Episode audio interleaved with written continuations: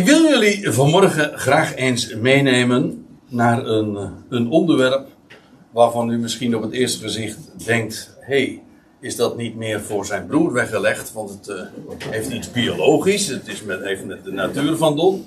En dat klopt. Het heeft iets met uh, de natuur van Don. En toch, het is echt een Bijbelstudie. De gelijkenis van de vijgenboom. Vijgenboom. Vroeger schreef je vijgenboom en tegenwoordig vijgenboom.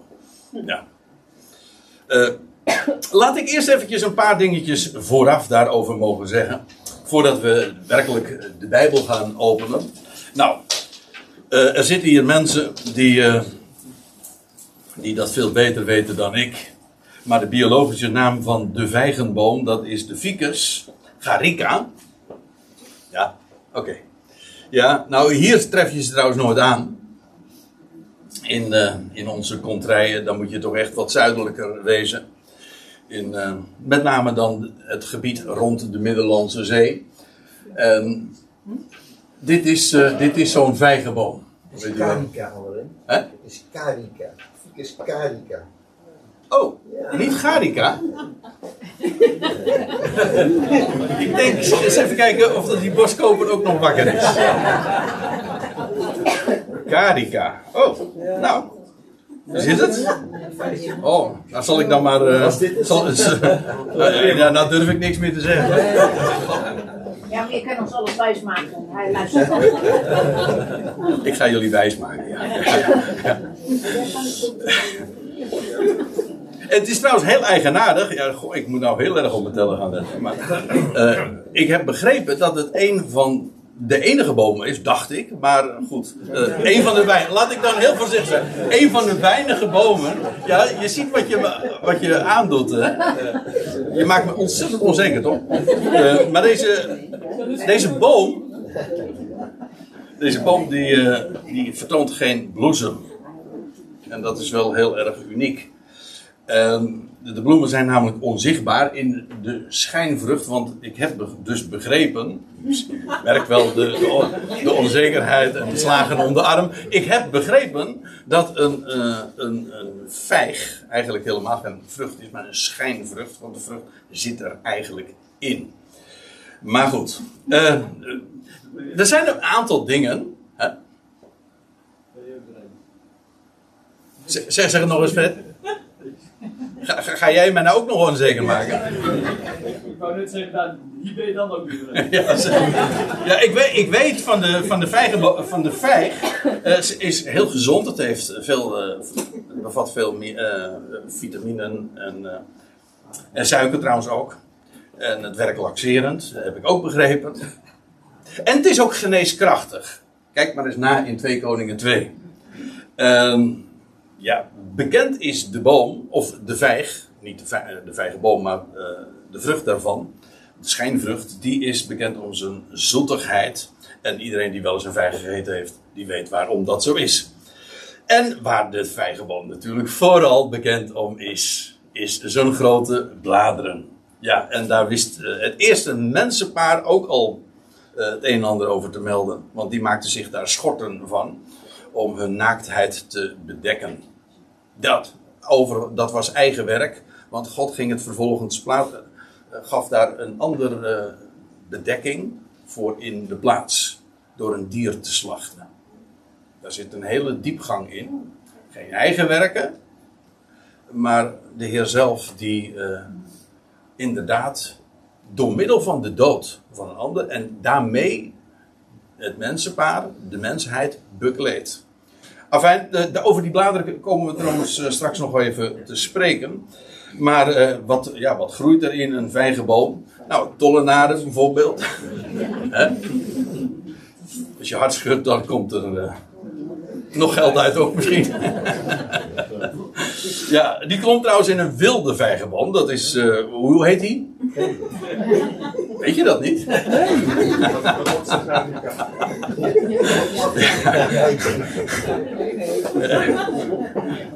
Ja, 1-1, ja.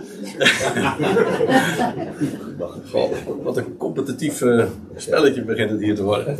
Oké, en dan wil ik tenslotte nog even zeggen: het is uh, spreekwoordelijk in de Bijbel ook dat uh, onder de vijgenboom zitten een, eigenlijk een aanduiding is van, van rust en van welvaart en ook van schaduw. Want ja, die, die, de vijgenboom heeft, is erg, heeft grote bladeren en hij heeft dus ook veel, veel schaduw. En uh, je leest dan ook uh, dat iemand uh, onder zijn eigen. Je leest dat in, in 1 Koningin 4, dat ieder zat onder zijn eigen vijgenboom. Dat wil zeggen, er was grote rust in het land.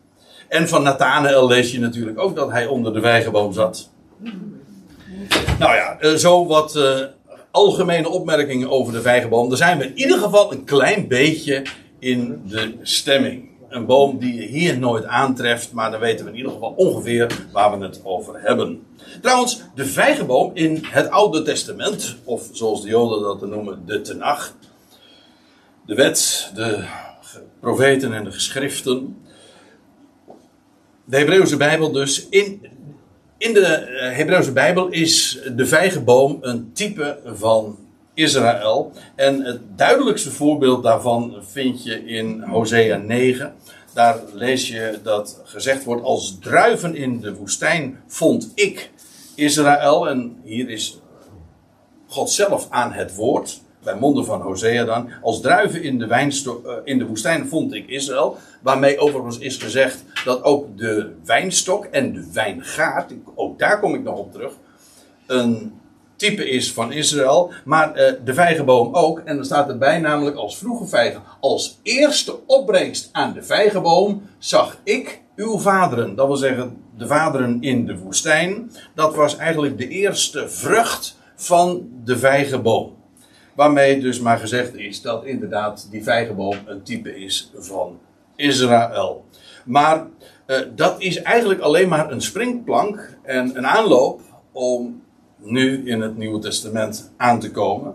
Want ik wil u vanmorgen meenemen naar een drietal schriftplaatsen waar sprake, of passages waarin sprake is van de vijgenboom. En de eerste is deze in Lucas 13. Daar vind je een vijgenboom in de wijngaard. Nou, dat is eerst. Eh, laten we daar gewoon maar naartoe gaan. En dan staat er.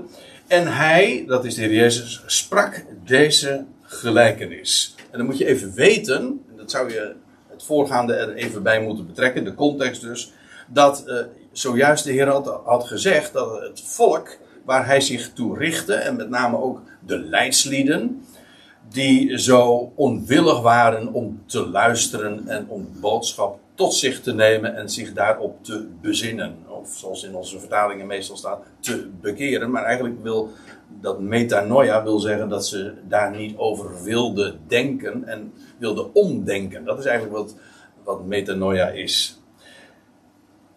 En in die context van afwijzing, de natie die niet wil horen, sprak hij dan deze gelijkenis. En dan staat er: iemand had een vijgenboom die in zijn wijngaard was geplant. hey, uh, nou komen we twee, uh, twee bomen, twee struiken, hoe zeg je dat? Tegen, twee typen, uh, die allebei spreken van Israël. Want de wijngaard is een type van, van Israël als volk. Je leest in Jezaja 5, daar, dat is een, een heel een heel aantal versen achter elkaar, dat Jezaja ook de vergelijking maakt of eigenlijk God zelf die de vergelijking maakt, uh, dat Israël als een wijngaard was en die die helemaal had bereid en hij zocht vrucht, maar hij te vergeefs. Dat idee. En dat is, uh, dan is de wijngaard een type van Israël als volk, waarbij de vijgenboom, ik kom daar, dat komt vanzelf wel in de loop van deze toespraak wat meer uit de verf. De vijgenboom is ook een type van Israël, maar dan als natie.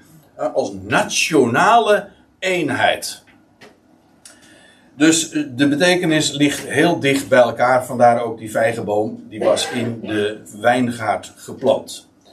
En hij kwam, dat is de gelijkenis dus. Iemand had een vijgenboom die in zijn wijngaard was geplant. En hij kwam om vrucht daarin te zoeken. En tevergeefs, hij vond namelijk niets.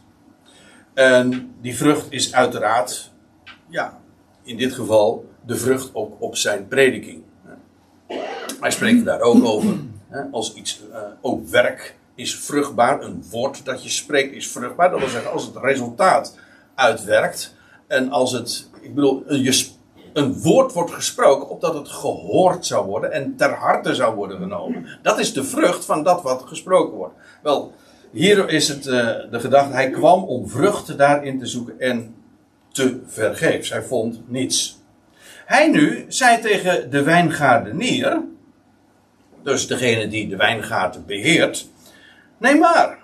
Sinds drie jaar kom ik vrucht zoeken in deze vijgenboom en ik vind niks.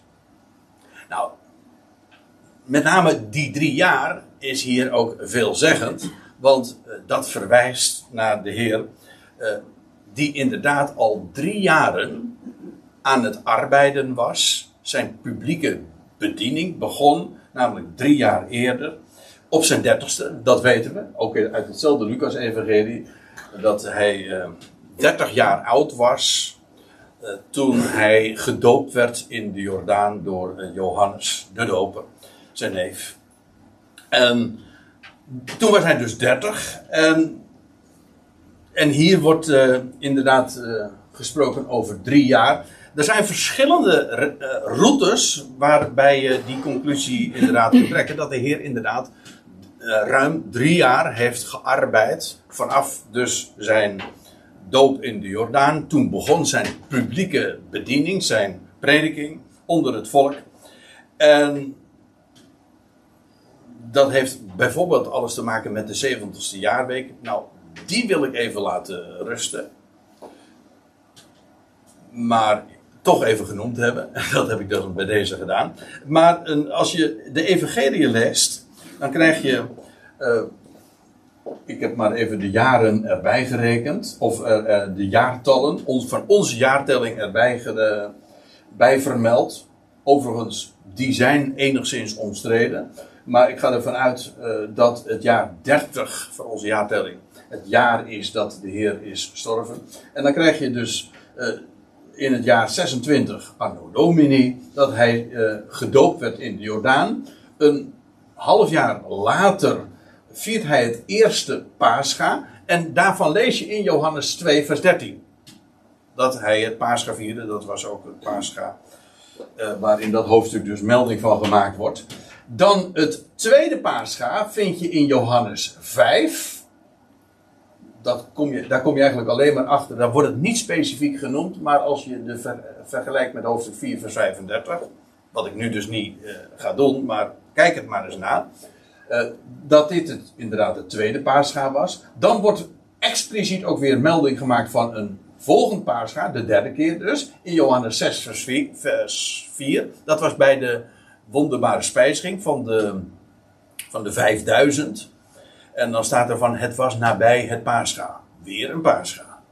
En dan weten we ook dat hij eh, uiteindelijk bij het vierde Pascha eh, is eh, gestorven. Precies trouwens op de dag van Pascha.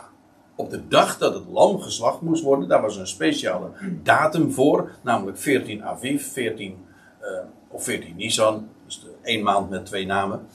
Maar eh, toen is hij eh, gekruisigd. En dat betekent dus dat, eh, nou ja, eh, vanaf zijn doop tot het eerste Pascha is een half jaar geweest. En dan een jaar, en nog een jaar. Dus in totaal drie jaar. Deze, deze gelijkenis die hij trouwens uitsprak, dat is, eh, dat weten we ook uit het Lucas-evangelie, eh, enkele maanden, ik denk ongeveer een half jaar, eh, voor het vierde Pascha. Hij was nog in Galilea. Hij zou nog naar Jeruzalem toe gaan. Maar in ieder geval, dat betekent dus dat er inmiddels al drie jaren gepasseerd waren dat hij inderdaad aan publiek zijn boodschap heeft gepredikt in Israël. Vandaar ook dat hij hier in deze gelijkenis kan zeggen: Nou, ik heb drie jaar lang gezocht naar vrucht, maar te vergeefs. De natie al zodanig natuurlijk, je kunt zeggen van er, wa- waren toch mensen die gehoord gaven, jawel. Maar als natie, nationaal, de leiding, zij die het, de natie representeerde, daar vond hij geen vrucht. Dus die drie jaren verwijzen inderdaad. Nou, ik ga nu weer even terug. Ja, oh, niet te ver. Ehm, ja. Sinds drie jaren kom ik vrucht zoeken in deze vijgenboom en ik vind niets. En de goede verstaander eh, weet dan waar het inderdaad over gaat. Waarbij de vijgenboom inderdaad Israël is en de Heer is degene die drie jaren zocht naar vrucht. En dan staat er dus, ehm, ja, dat hij te horen krijgt, hak haar, nee, dat, eh, dat hij dan zegt van hak haar om. Ja, als je dan een aantal jaren lang geen vrucht vindt, wat eh, zou je dan doen? Beëindig Israël als natie. Dat is eigenlijk het hele idee. Maak een einde aan die natie, want daar eh, is toch geen goed garen mee te spinnen, om zo te zeggen. En wa- eh, ja, met als argument ook, waarom zou zij ook het land onproductief maken? Waarom zou eh, de grond, zegt de NBG-vertaling dan, eh, nutteloos, eh, nutteloos daar eh, beslagen worden door, door zo'n boom die toch helemaal niks produceert? Oftewel, ehm, verwijder haar uit het land. Dat is het idee. Hak haar om, zodat er gewoon ruimte gemaakt kan worden. Verwijder haar uit het land. En dat betekent dus, in feite wat hier gezegd wordt, is: eh, maak een einde aan die natie en, eh, zorg, eh, en verwijder ze uit het land. En dan die wijngaardenier die zegt tegen hem: laat haar ook dit jaar, laat haar, dat wil zeggen, laat haar staan. Zo staat de NBG-vertaling ook. Laat haar, dat wil zeggen, doe er nog niks mee. Ga, niet, ga nu niet ophangen. Laat haar ook dit jaar, terwijl ik dan, zegt die wijngaardenier, rondom haar zal spitten en bemestingen zal werpen. Dus die drie jaren zijn gepasseerd. En nu zegt die wijngaardenier, nog een jaar. Hij zegt, in dit jaar ga ik graven en spitten en ik zal daarin bemestingen werpen. En dit is dus het jaar dat de Heer zou sterven en opstaan. Als ik trouwens dieper over doordenk, dan zeg ik van ja, dat, daar wordt inderdaad gegraven, een graf. Hè. En vervolgens bemest. Dat klinkt wat, misschien wat vreemd, maar u begrijpt de gedachte. Voeding gegeven wordt, werkelijk, zodat die boom weer levend wordt. Zodat eh, dat spitten en dat bemesten en nou ja, ik geef het gewoon ter overweging. Ik, ik, eh, ik, ik, ik, ik zie dat inderdaad als verwijzingen naar eh, het graf, maar ook wat er eh, in dat graf eh, gelegd wordt, namelijk voeding. Zodat die boom zou leven.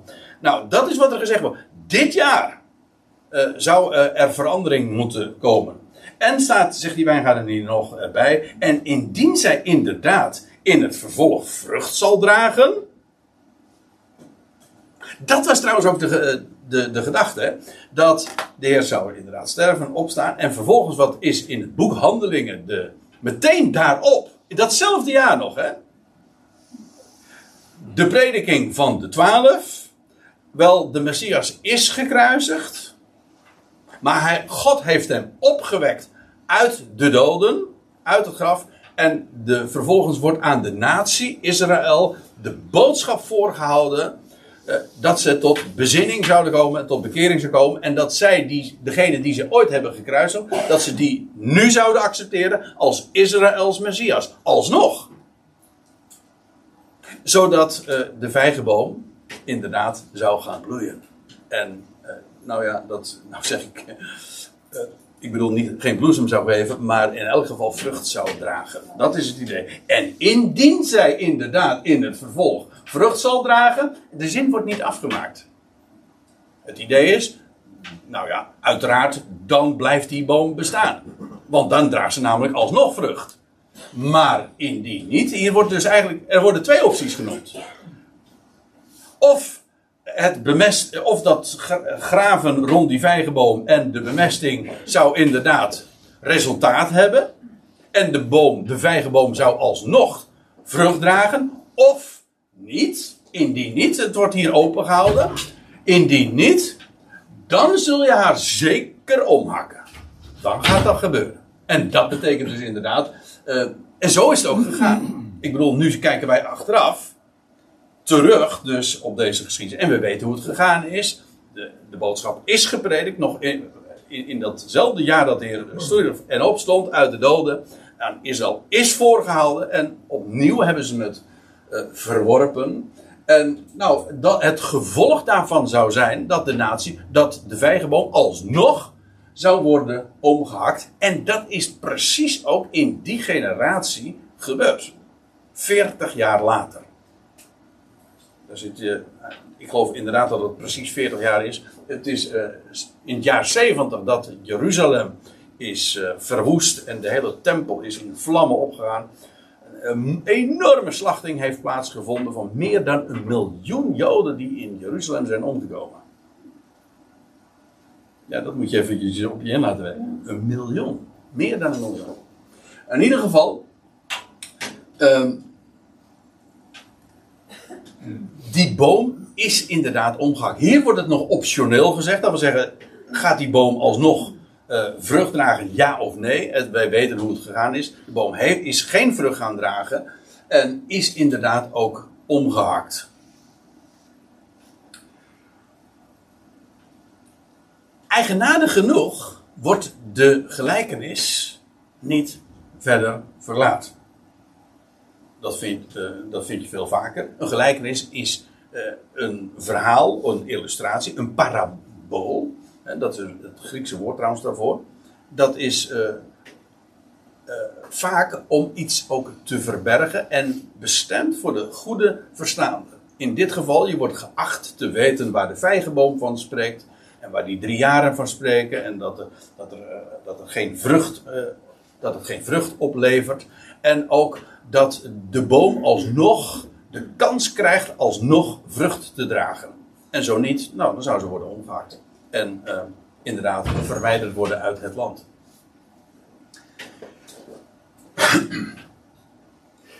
Dit is Lucas 13.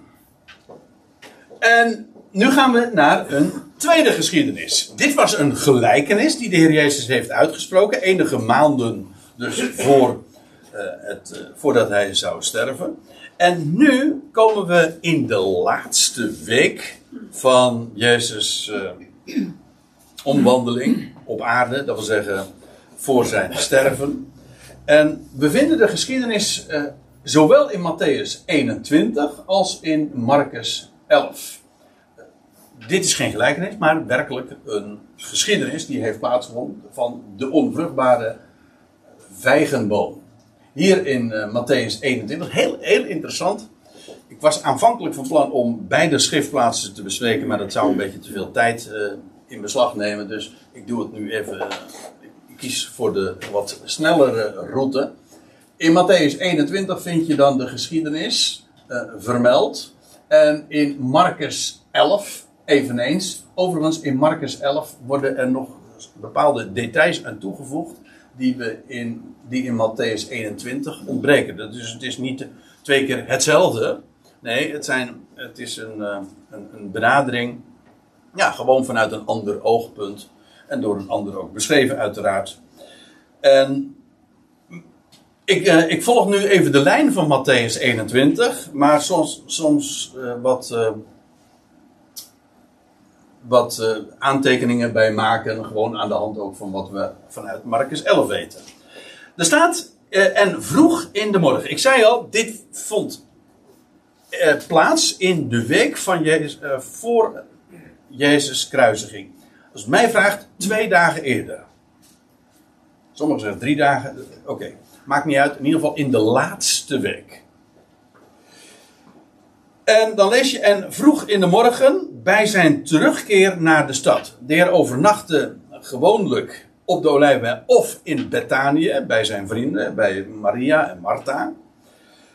En, en hij keerde dan vervolgens, eh, in, vroeg in de morgen, ging hij vanuit Bethanië weer naar de stad, eh, naar Jeruzalem. Ja, dat is inderdaad vanuit Bethanië, want dat lezen we in Marcus 11.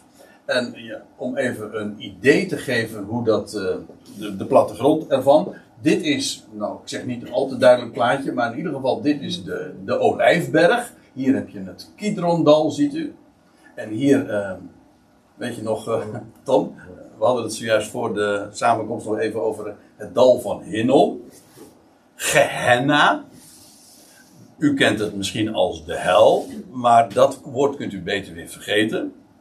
Uh, maar als daar in de Bijbels gesproken wordt in het Nieuw Testament over de hel, al in de MBG-vertaling, dan gaat het letterlijk over Gehenna. Dat is gewoon een Griekse naam voor het dal van Hinnom. Oké, nou, eh, hier heb je dan de tempel. Of het helemaal klopt, dat vraag ik me af. Maar goed, uh, voor het gemak, om even een klein beetje een idee te hebben. Hier, degenen die ooit in Israël geweest zijn, en uh, als ik zo rondkijk, dan zie ik, ah, er zijn heel wat mensen hier die, die dat gedaan hebben. En er zijn ook mensen die zeggen van nou, ik kom er straks toch wel, maar ik betaal. En als echte Nederlander, ik betaal er geen dubbeltje voor. Ja, dat is ook een uh, manier. Ja. Wat zei jij? Is toch veiliger? Ja, jij denkt ik, ik maak liever andere vakanties. Ja. ja, u zit dan van de Daniel te kijken van goh, daar in Soetermeer, daar uh, schijnt het zonnetje toch ook fel. Oké, okay, uh, terug naar de les. Uh, hier heb je dus de Olijfberg en Betanië lag aan de andere kant van de berg. Dat wil zeggen, hier heb je dus Jeruzalem en hier heb je Betanië. Hier heb je ook nog Betfage. Dat wordt trouwens ook nog eens een keertje in de Nieuwe uh, in de Evangelie een melding van gemaakt. Uh, er waren trouwens twee routes om vanuit Betanië naar de stad te gaan via deze Jericho-weg. En via deze weg via Betfage. En welke route de heer Jezus in dit geval genomen heeft, weet ik niet. Uh, doet ook niet ter zake. Maar in ieder geval, ze, het is eigenlijk het is aan de andere kant van de olijfberg. Dat is het idee.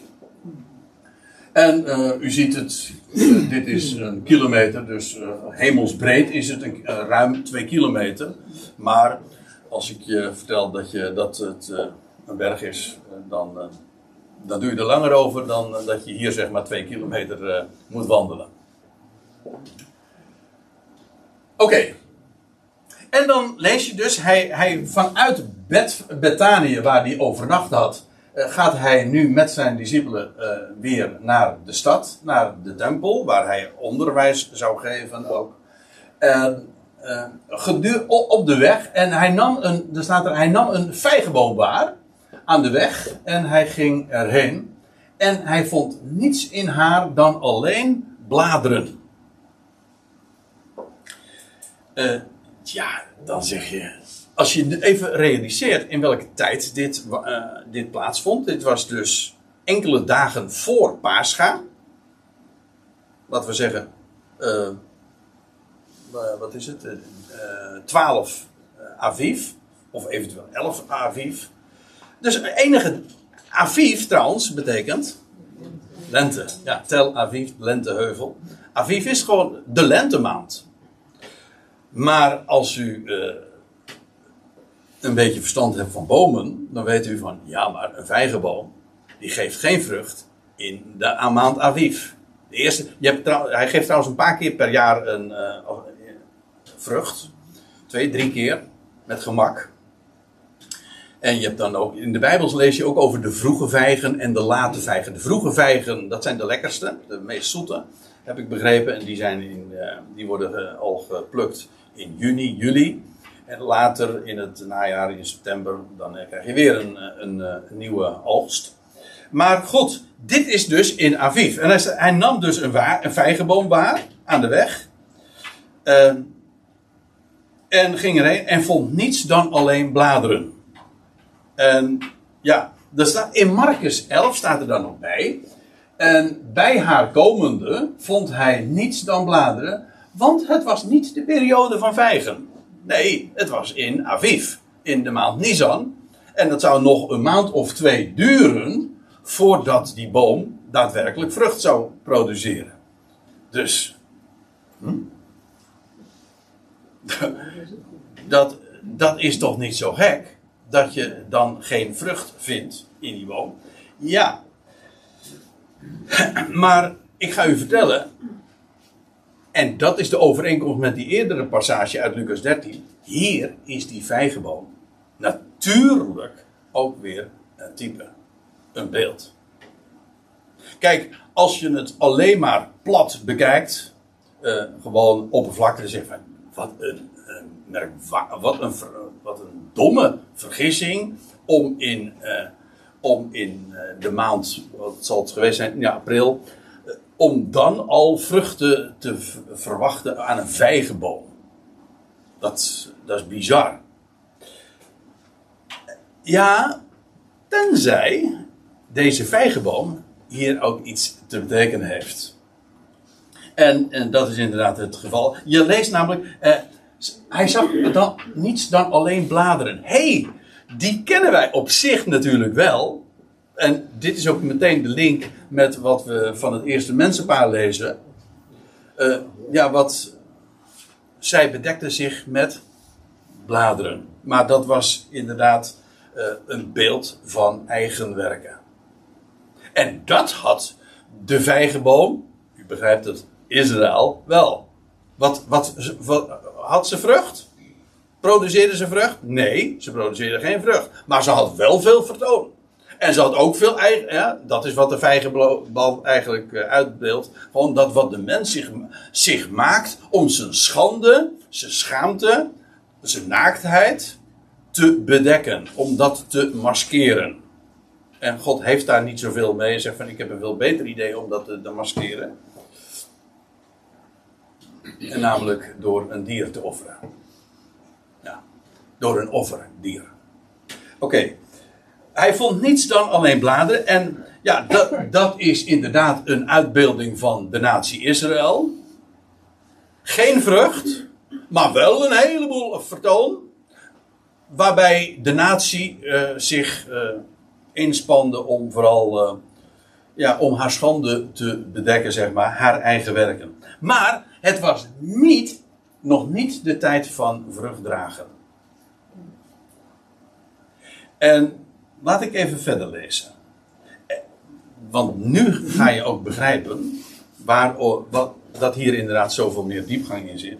Want er staat er, en hij zei tot haar, tot in de aion komt in u geen vrucht meer. Hm? Nou zegt u, hé, hey, maar in mijn vertaling staat er iets anders. Dat klopt. In de Statenvertaling en MBG-vertaling staat tot in eeuwigheid. En als u een MBV-vertaling hebt, dan staat er nimmer. En in beide gevallen uh, komt het niet meer goed met die boom. Maar dat staat er dus niet. En nou zie je ook meteen hoe belangrijk het is om zicht te hebben op, op, dat, op dat woord aion. En op het moment dat je daar een eeuwigheid van maakt, ja, dan wordt het ineens ook troosteloos. Want het komt namelijk nooit meer goed. Tot in eeuwigheid niet. Het komt nooit. Dat is trouwens ook wat de kerk altijd gepredikt heeft over Israël. Hè? Die boom, eh, men zag altijd wel van ja, die vijgenboom is een beeld van Israël. Dat kan eigenlijk ook niet missen natuurlijk. Die vijgenboom is een beeld van Israël, maar die, die produceerde geen vrucht. En de Heer heeft gezegd: tot in eeuwigheid groeien geen vrucht meer aan. Staat er niet. Tot in Dajon. Ja, en de Bijbel spreekt uh, trouwens ook in, uh, in Matthäus uh, over, over het einde van de aion, maar ook over de toekomende aion. Sterker nog, over de toekomende aionen. Met andere woorden, het hele idee dat een aion een eeuwigheid is en dat er geen einde aan zou komen, dat is bizar, want de Bijbel spreekt juist over het einde van de aion. Dus in plaats van dat een aion eindeloos zou zijn, is een aion juist een, een, een periode een wereldtijd. Dat kan heel lang zijn, dat weet ik wel. Maar in ieder geval, het heeft een begin en een einde. De Bijbel spreekt ook voor de Ionen en de voorgaande Ionen. Nou ja, eh, in dit gezelschap is dit natuurlijk betrekkelijk eh, bekende stof. Maar ik wil er dan toch bij deze gelegenheid nog eventjes extra een dikke streep onder zetten. Hoe belangrijk het is om te zien dat inderdaad hier sprake is van. Ja, die vijgenboom inderdaad, die zou geen vrucht meer produceren. Niet nooit meer, of tot in eeuwigheid niet. Nee, tot in Dayan. Dat is iets heel anders. Want in de toekomende aion, zal ik u vertellen, gaat de vijgenboom alsnog vrucht dragen. Dit, het, het was nog niet de tijd van het vrucht dragen. De Heer, toen de Heer kwam, hier in zijn bediening op aarde, hij heeft, hij, heeft gepredikt, hij zocht vrucht, maar hij vond het niet. Het was ook nog niet de tijd. De tijd dat de boom wel vrucht zou dragen, die zou nog komen. Maar niet in deze aion. Niet in deze wereldtijdperk. En als ik u vertel dat de, de, deze aion, waar die toen ook al liep, al duizenden jaren trouwens, want deze aion, uh, die begon al in de dagen van Noach. En die gaat door tot, nou ja, over een paar jaar zeg maar. Dan houdt hij op. En dan breekt de toekomende aion aan. Oftewel de duizend jaren. Maar dat is een heel nieuwe wereldtijd. De, tot in de aion komt er nu geen vrucht. En staat erbij, en de vijgenboom verdorde terstond. Ja, uh, en dat is heel interessant, want ik lees je in vers 20. En de leerlingen, de discipelen dus, die namen het waar. En verwonderden zich en zeiden: Nou, en nou is het heel interessant. Want als je alleen Matthäus zou hebben, zou je denken: van, Oh, dat gebeurt op datzelfde moment. Nee, dat is niet. Nou, het kan best zijn dat het verdorren meteen begon. Maar als je nu in Marcus 11, vers 20 leest, dan lees je dat ze de volgende ochtend opnieuw weer langs die boom komen. En bij het passeren van de boom, ze gaan dus weer dezelfde route, dan ineens stellen ze vast, dan lees je ook dat bij Peter hé, hey, die boom van gisteren, die is helemaal verdord. Dus uh, dat, uh, ja, hoe is die boom, ja, dat zij verwonderen, de leerlingen namen het waar en verwonderden zich en zeiden, hoe is de vijgenboom zo terstond verdord? Dat wil zeggen, gewoon binnen één dag is er is compleet verdord. En er staat er in Marcus trouwens nog bij, vanaf de wortels aan toe. Vanaf de wortels is die, was die verdord. Zie je trouwens in dat, dat, hoe, hoe, hoe dat ook werkt met, met bijbelstudie in het algemeen. Uh, ja, ik gebruik uh, heel vaak uh, het beeld van de, van de puzzelstukjes.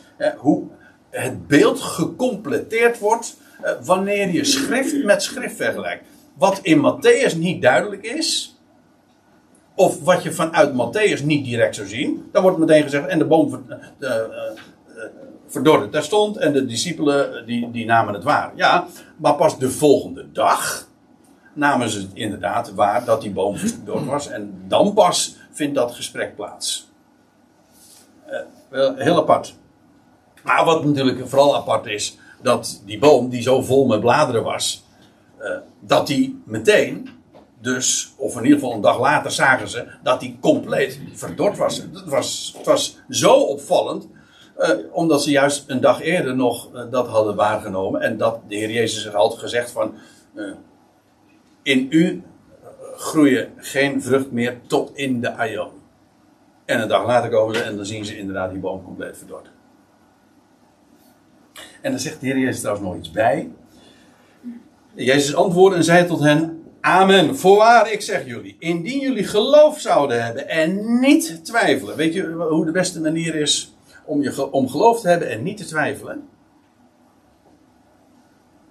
Ik weet, er zijn natuurlijk van die, uh, van die predikers, of van die mensen die daar roepen, ja, dan moet je, moet je heel hard geloven. Ja, de, dat in de werk gaat, weet ik ook niet. Maar uh, soms, me, meestal betekent het gewoon heel hard schreeuwen. Zodat je de, de stilte van je twijfel overschreeuwt. Want daar komt het op neer. En ja, daar, ja, daar komt het echt op neer. Ja, er zijn mensen die. Ja, je, kunt daar, je kunt er hele volle zalen mee uh, trekken hoor. Door. Tjaka! Weet je te roepen. Geloof! Als je, nou trouwens, en niet alleen in de seculiere wereld, in de christelijke wereld Als je nou maar gelooft, weet je dan. Dus als je de innerlijke overtuiging dan maar hebt, en als, je, als die maar sterk genoeg is, dan gebeurt het wel. Maar weet u, de echte. Hoe kun je werkelijk geloven zonder twijfelen? Als je werkelijk grond onder je voeten hebt. Onder, als je een weet Als je weet dat je staat op de rots der eeuwen, dan twijfel je niet. Maar dan weet je ook zeker, niet omdat je, omdat je eh, dus innerlijk zo zeker bent, dan gooi je eigenlijk het anker in het ruim, in je eigen ruim. Weet je, dat moet je niet doen. Dan ontleen je de zekerheid aan je eigen gevoel. Maar er is niets zo misleidend als dat. Nee, als je werkelijk zeker wil zijn, dan moet je steunen op het woord van God. Dan, en dan kun je ook werkelijk heel zeker zijn. Ik weet het absoluut zeker, want het staat geschreven. Hoe ik ik eh, ben een. eh, ik vind het altijd zo prachtig. Die we zingen hier nooit psalmen. Ik bedoel, er is ook geen eh, direct een oproep om dat wel te doen, maar eh, in, in de kerk zongen we dan dat, die psalm. Ik, ik weet even niet eens welk eh, psalm dat is, maar eh, ik roem in God. Ik prijs het onveilbaar woord. En dan gaat het verder. Ik heb het zelf uit zijn mond gehoord. Hoe weet ik dat nou zeker? Nou, hij heeft het me zelf verteld. Hij, het staat geschreven. Dat woord. Ja, dat is zo vast, zo solide. En wat de Heer Jezus hier ook zegt: van eh, Amen, ik zeg jullie, indien jullie geloof zouden hebben en niet twijfelen. Niet alleen van de vijgenboom zullen jullie doen. Zullen jullie doen? Ja. Dan moet je wel even weten waar de vijgenboom dus een beeld van is. Hè? Dit gaat natuurlijk niet dat er hier een vijgenboom vervloekt wordt. eh, om, vanwege het misverstand dat de Heer Jezus twee maanden te vroeg daar kwam. Nee, natuurlijk niet. Het punt is. Dit is een teken. Die vijgenboom spreekt ergens van, namelijk van de natie Israël. En wat de Heer hier al zegt, dat van de vijgenboom zullen jullie ook doen. Dat zullen jullie doen. En in geloof zouden de- inderdaad de leerlingen, de apostel inmiddels, afgevaardigden, de vijgenboom de ondergang aanzeggen. En zo is het inderdaad ook gegaan.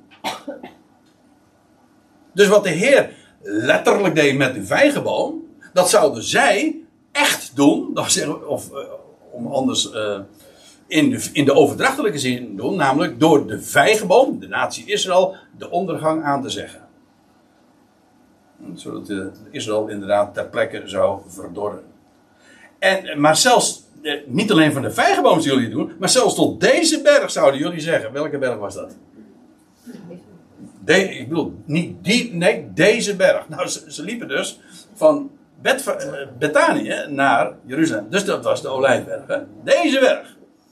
En ik zal je vertellen, die Olijfberg, ja, waar is dat een type van? Dat is een heel eh, uitgebreid onderwerp, want dan, dan komen we namelijk ook nog eens een keertje over de olijf te spreken. We hebben het nu over een vijgenboom op de olijfberg. Ja. Dat is net zoiets als een vijgenboom in een wijngaard. Ja, Eh, maar dan zouden jullie tot deze berg zeggen. Wordt opgepakt, dat staat in de passieve zin. In de vertaling komt dat niet uit de verf, maar dat staat er echt. Wordt opgepakt en wordt geworpen in de zee. Maar die olijfberg is een type van het koninkrijk. Trouwens, dat is een berg in het algemeen al. Een- als de Heer ook inderdaad spreekt over het koninkrijk, dan doet hij dat op de berg. De bergreden. Dat is namelijk een plaats van verhoging. Waar geregeerd wordt. En trouwens, de Olijfberg helemaal sterk, want hier vertrok de koning ooit. En hier zal hij ook weer gaan verschijnen. Als de, de, de berg staat inderdaad voor het koninkrijk. Nou, weet u wat er gaat gebeuren? En dat vind ik de geweldige diepgang in deze woorden. De meeste mensen ontgaat het. Dat als de discipelen, wat de Heer zegt van ja, dat wat ik nu gedaan heb, dat gaan jullie ook doen. Hij zegt, dan zullen jullie niet alleen van de vijgenboom eh, dat doen, maar ook tot deze berg zeggen, type van het koninkrijk, zoals de vijgenboom spreekt van Israël, zo spreekt de berg, deze berg van het koninkrijk. Dan zal de, deze berg inderdaad in de zee verdwijnen. Dat wil zeggen onder de oppervlakte, dat je hem niet meer ziet. Verborgen wordt. En als ik u vertel dat de zee een type is van de volkerenwereld, de volkerenzee, ja, daar, waar- is het koninkrijk? De vijgenboom verdorde, die werd ja, verdord, werd ook afgekapt, er bleef niks van over, uit het land verwijderd. Dat is één ding. En wat gebeurde met het koninkrijk? Nou, geheel in lijn daarmee, want het- ja, het, het koninkrijk wordt echt openbaar alleen maar via Israël. Hè? Maar als de Israël of de vijgenboom verdwijnt, wat gebeurt er dan met het koninkrijk? Dan wordt het verborgen. Waar? Onder de natie, onder de volkeren. En dan is er niks meer van te zien. En dat is de tijd waar wij nu in leven. Zie je dat als de Heer zo iets zegt, dat daar zoveel in besloten ligt. En zo'n geweldige typologie en beeldspraak. Hij zegt, eh, dan zal dat gebeuren. Hij zegt, het zal geschieden. Hm, hoezo? Hoe, wanneer is dat geschied dan? Nou, als je weet waar de vijgenboom en de berg spreekt, dan begrijp je het.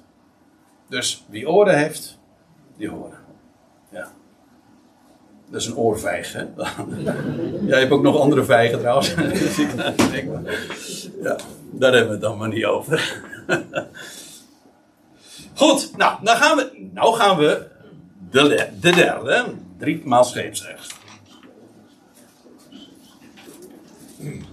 Als we dan toch op zee zijn. Hè? Eh, de uitbottende vijgenboom. Wel, eigenlijk is dit eh, was de aanleiding. U weet, ik ben de man van de lange aanlopen. En, ik en, dan kom ik altijd in tijdnood als ik mijn eigenlijke punt nog moet maken. Klopt dat? Ja. Nou ja. Uh, en dat is die van Matthäus 24. Dat is, dat is een reden die de Heer een dag later. Ja, ja. Of twee dagen later. Nou ja, in ieder geval in diezelfde week, want nu gaan we naar Matthäus 24. In diezelfde week gaat de Heer zitten op de olijfberg. En dan komen de, de, en dan komen de discipelen bij hem. En dan wijzen ze hem op de gebouwen van de tempel en de, stad. En dan zegt de Heer. En, en dan vragen ze aan hem: Vertel ons, wat is het teken van uw kom, van uw parousia. en het einde van de Aion? En dan gaat hij. Dan steekt hij van wal. Leuk hè? Dan steekt hij van wal. En, uh, en dan gaat hij spreken. Uh, wat er allemaal zou gaan gebeuren. Over, aan het einde van de Aion. Van op, op de Olijfberg. En Matthäus 24, de reden over de laatste dingen. Maar dat is ook een bergreden. Hè? Jazeker. De, in, de, in het Engels noemen ze het ook. The second sermon of the mountain. Of the mount. Hoe was het ook weer? Ja, second sermon of mount. De, de tweede bergreden. Maar in ieder geval. Uh, ja, nou, ik, ik sla dus 30 versen over. Dat is heel jammer. Maar dat moet ik doen. Omdat de Heer gesproken had over, uh, over de dingen die zouden gebeuren. Over een, uh, een gruwel van een, een afgodsbeeld die in Jeruzalem geplaatst worden. Dingen die nog steeds moeten gebeuren. Zeer aanstaande. Oké, want we zitten nu aan het einde echt van deze aion. Dus dat, is een kwestie van uh, aftellen. Dus. Een, en dan lees je in, uh, eerder in Matthäus 24, er zal een afgodsbeeld geplaatst worden in Jeruzalem. En, en dan zal er een grote verdrukking zijn. Zoals er niet eerder geweest is en ook nooit meer wezen zal, staat er trouwens. En dan wie, wie in Judea dan zijn, die moeten, uh, die moeten maken dat ze wegkomen. En als je op het dak bent, hij zegt, ga niet nog eens eventjes uh, uh, je, je spulletjes bij elkaar verzamelen. Dan moet je maken dat je wegkomt als je dat ziet. En dan moet je in de woestijn wezen. Nou, uh, en dan lees je vervolgens. ja, nou, ik haak aan bij vers 31. Dat is na de verdrukking. Daarvan lees je in. Na de verdrukking van die dagen, in vers 29. Ik ga het nu niet opzoeken. Maar ik geef expres eventjes de versnummers erbij, zodat u het gewoon kunt zien.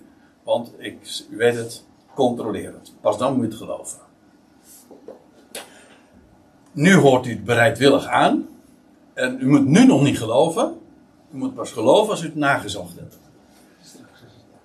Oké, okay, straks dus. Ja. Uh, na, na, de verdrukking. Oké, okay, dus na de verdrukking, vers 29. En dan lees je ook, na, dan zal de zon en de maan geen glans geven.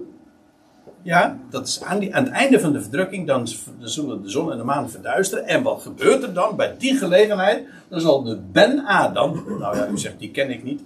Uh, nou, dat is gewoon de zoon des mensen. De erfgenaam van Adam. Dan zal de, teken, dan zal de Ben-Adam verschijnen. En dan staat erbij, en de stammen van het land die zullen heftig treuren. Want ze zullen namelijk zien wie zij doorstoken hebben. Ook dat wordt al in Zacharia 12 gezegd. En dat uh, in Jeruzalem zal er een grote rouwklacht worden aangeheven. En, en, de stammen van het land. We worden hier dus echt gebracht in de, in de context, in de sfeer, in de, in de, de geografische contraien van Israël. Van Jeruzalem. Nou, en dan staat er. Uh, en hij zal zijn boodschappers afvaardigen met groot bazuingeschal. Want dit is de dag van het bazuingeschal ook. Dat is uh, een van de typen ook van uh, aan, aanduidingen van zijn komst. Want er wordt iets, er wordt iets aangekondigd met bazuingeschal. En ze zullen zijn uitverkorenen bijeen vergaderen. Ja, zijn uitverkorenen, gaat het uiteraard over. Kijk, dat is voor ja, voor de Joodse luisteraars, voor de discipelen, was volstrekt helder waar het hier over gaat. Namelijk zijn uitverkoren volk. Dat zal dan bij die gelegenheid wereldwijd worden verzameld, bijeen vergaderen. Al, de natie Israël zal verzameld worden. Alle de Israëlieten zullen verzameld worden van. nou ja, staat erbij. Vanuit de vier winden. Dat wil zeggen Noord, Zuid, Oost en West nou, vanaf de uiteinden van de hemel tot aan de andere uiteinden van hen. Kortom, gewoon wereldwijd, globaal. De alle uh, de uitverkorenen worden verzameld, bijeengebracht. Trouwens, niet in het land, maar in de woestijn. Dat is een onderwerp apart. En vanuit de woestijn zullen ze, eigenlijk zoals ooit dat eerder gebeurd is, vanuit de woestijn zullen ze naar het land toe gaan. Nou ja, de details doen even niet de zaak. Het gaat er nu om dat hij na de verdrukking is, bij de terugkeer van de Heer, die zijn voeten zal zetten op, jawel, de olijfberg, die bij die gelegenheid trouwens zal scheuren in tweeën. Want het koninkrijk wordt verdeeld. Mooi hè? Nee, daar gaan we het nu verder niet over hebben, maar ik vind het wel heel boeiend. Uh, maar dan, wordt, dan worden de uitverkorenen verzameld. En, en bijeengebracht. Ja, dat is inderdaad uh, Israëls nationale herstel. En niet alleen maar het nationale herstel, maar ook het geestelijke herstel. De natie, wat we nu zien in het land, in het Midden-Oosten, sinds 1948 ja, je zou kunnen verdedigen dat het een vijgenboom is, maar nog steeds een dorre vijgenboom hoor. De natie, er is nog geen erkenning van. Dat is, het is nu ook nog niet de tijd trouwens. Maar het komt wel. Nee, het nationale herstel dat de Heer zelf het volk zal verzamelen, dat is bij die gelegenheid. En dan ook met succes. En dan trouwens ook geestelijk. Alles bij elkaar. Nou, oké. En dan lees je, en dan staat er in vers 32, en leert vanaf de vijgenboom de gelijkenis. Hi, de gelijkenis. Eerder, we hadden al eerder over de gelijkenis van de vijgenboom. En nu zegt de, spreekt de Heer weer over de gelijkenis van de vijgenboom. Ja, dit wordt dus tegen hetzelfde gezelschap gezegd. Dat, ik ga er vanuit twee dagen eerder, op dezelfde berg het teken van de vijgenboom had gezien. Dus nu gaat de Heer tegen die discipelen zeggen van, leert van de, de vijgenboom deze les. Ja, wacht even. Dit zei hij op de Olijfberg, net nadat uh, nog, uh, nog vers in hun geheugen was dat wat er plaatsgevonden uh, had plaatsgevonden met die vijgenboom. Ja, en nou komt de vraag van hoe gaat die, die vijgenboom, gaat die ooit bloeien? Jawel. Kijk, leert van de vijgenboom de gelijkenis. Wanneer haar tak sappig wordt, zacht wordt en de bladeren uitspruiten, zo staat het letterlijk. Ja, wanneer gebeurt dat? Wanneer, wanneer, wanneer gebeurt dat? In de lente, jazeker, aviv. En eh, wat dan zal alsnog de boom gaan herleven. En de Heer zegt dan ook: dan weten jullie dat de zomer nabij is. En weet je wat er gebeurt? In de zomer? Ja, dan gaat de, dan gaat de boom, de vijgenboom, vrucht dragen. Zo ook, en want dat is de gelijkenis, zo ook wanneer jullie al deze dingen waarnemen. Wel, wat zijn al die dingen waarnemen? Nou, waar de Heer zojuist in Matthäus 24 heeft, over heeft gesproken. Namelijk over de verdrukking, over het einde van de verdrukking, over het teken van de zoon des mensen, over dat hij zijn volk, al zijn uitverkorenen zal verzamelen van de einde des hemels en, en ze allemaal zal bijeenbrengen. Dat als jullie al, zo ook wanneer jullie al deze dingen waarnemen, kortom, Israëls nationale herstel, weet dat het nabij is. Voor de deur. Het nabij is, namelijk het einde van de Aion. Oftewel, als deze Aion eindigt, dan begint de volgende Aion. Ja, en dat is de. Ja, dat is dus die zomer. Hè? Want dan zegt de Heer er nog bij. Amen, dus voorwaar. Dat is altijd een introductie tot een, een, een, iets wat je zou onderstrepen. Wat met grote klem gezegd wordt. Amen, voorwaar, ik zeg jullie. Dat deze generatie geen zin zal voorbijgaan. En dan moet ik er weer even bij zeggen. Deze generatie, dat is de generatie die al deze dingen zal zien. Namelijk, ja, die het nationale herstel van Israël zal meemaken.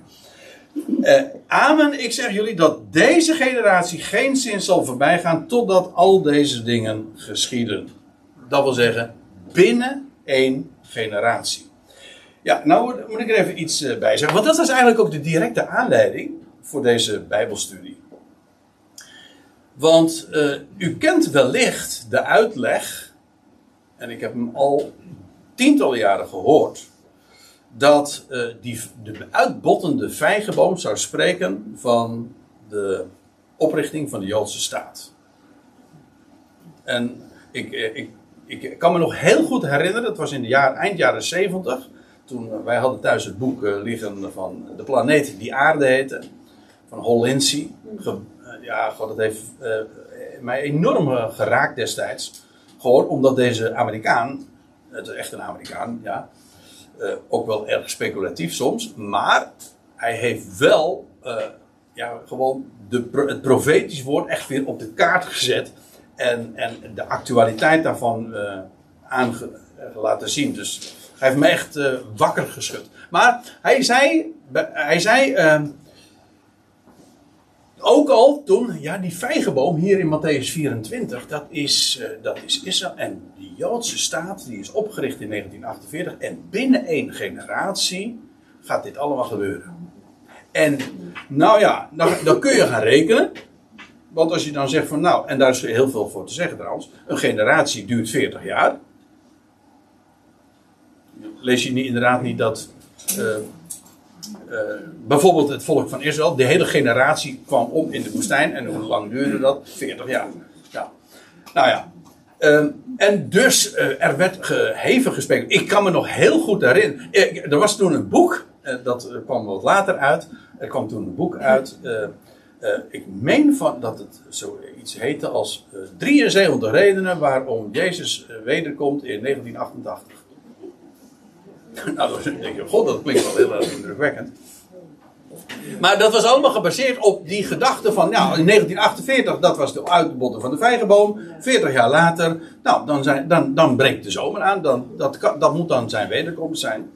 Inmiddels weten wij beter, want we zitten nu inmiddels in 2022, ja. En zo moet je wel eens overrekenen. En dat zeg ik helemaal niet als verwijt of zo. Uh, of als. Uh, integendeel.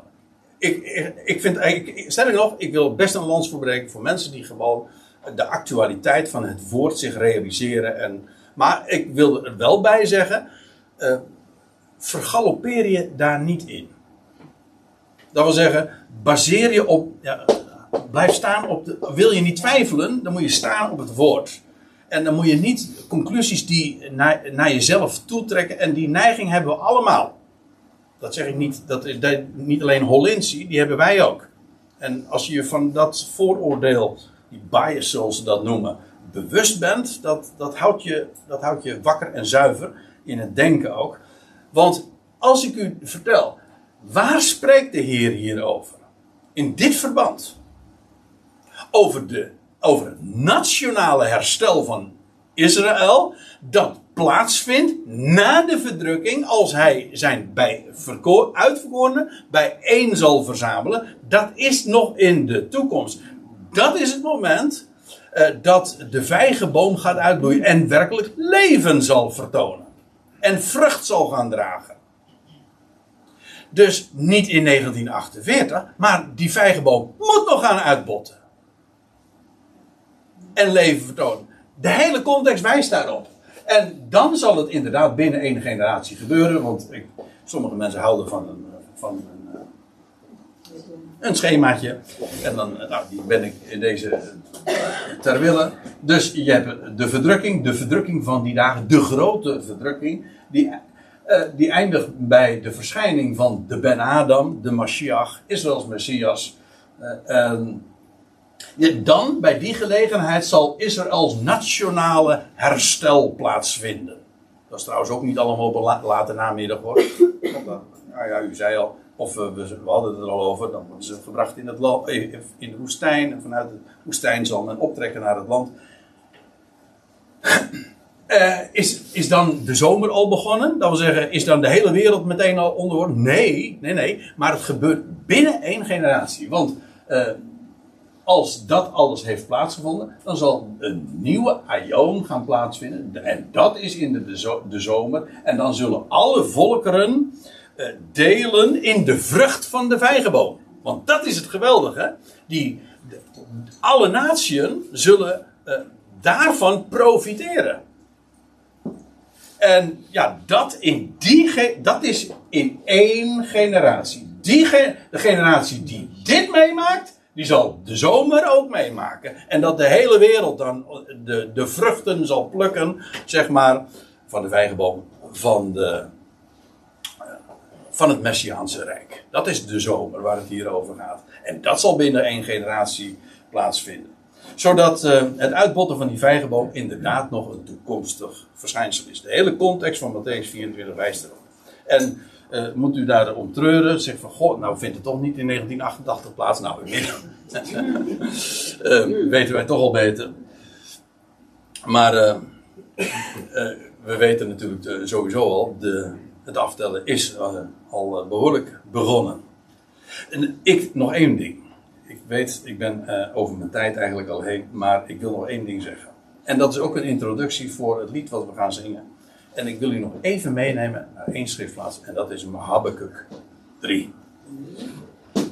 Ja, Habakkuk. En eh, dat, eh, eh, dat boekje Habakkuk, dat is een profeet, die eindigt met deze woorden. We gaan straks zingen. Al zou de vijgenboom niet bloeien en geen opbrengst aan de wijnstok zijn, de vrucht van de olijfboom teleurstellen, zou de akkers geen spijs opleveren, de schapen uit de kooi verdreven zijn en geen runderen in de stallingen zijn. Zal ik u vertellen, allemaal typen van Israël in de diaspora. De vijgenboom, die bloeit niet. Geen, de wijnstok levert geen. De wijnstok is ook een type van Israël. De olijfboom is ook een type van Israël. Als u niet geloven wil, moet u maar eens in Romeinen 11 kijken. En trouwens, de akker is ook het land. Een type van Israël. Levert geen opbrengst op. En de schapen in de kooi. Ja, nu zijn. Dat is trouwens ook een heel bekend fenomeen. Dat de kudde is verspreid over de hele wereld. En dat God eh, in de toekomende dagen de kudde bijeen zal brengen. En het zal worden één kudde, één herder. En dan gaat hij de schapen van overal verzamelen. En dan zal hij ze in de stal brengen. In in, eh, op één plek bijeen vergaderen. Zodat je hier eigenlijk allemaal typen ziet. Van de tijd dat Israël verstrooid zal zijn. En er geen opbrengst is, geen vrucht. In feite spreekt dit dus van onze tijd. De vijgenboom bloeit niet. Het is, het is allemaal niks. Waar is het koninkrijk dan? Nou, het is allemaal niks. Eh, het is, waar is het koninkrijk? Nou, dat is, dat ligt, het is in de zee gezonken. Dat, dat zien we ook niet. Het is er wel, alleen we zien het niet. Nou, dat is het. En nou staat er, en dat is waar het eindigt. al zou dat allemaal zo zijn, en het is ook zo, nochtans zal ik juichen in Yahweh en jubelen in de God van mijn redding. Hoezo? Hoezo kun je dat met overtuiging doen? Zonder te twijfelen? Wel, God heeft gesproken. En dan kun je, al is al alles wat, wat je waarneemt, wat je ziet en wat je hoort en wat je verteld wordt, alle narratieven van de wereld zoals eh, die dagelijks over ons uitgestorven, als je daarop let, dan verkijk je je. Maar dit weet je omdat God gesproken heeft. De vijgenboom die verdord is, omgehakt is, die gaat weer bloeien. Die gaat, zijn, gaat weer zijn opbrengst opleveren en vrucht dragen. En daarom, in die wetenschap, juichen wij nu al in Jahweh, in de God van mijn redding. Wat zeg ik? In de redding van de hele wereld. Voilà. Dat is de boodschap. En zo staan wij erin. Nochtans zal ik juichen in Jahweh. Jubel in de God van mijn redding. En daar wilde ik het graag bij laten.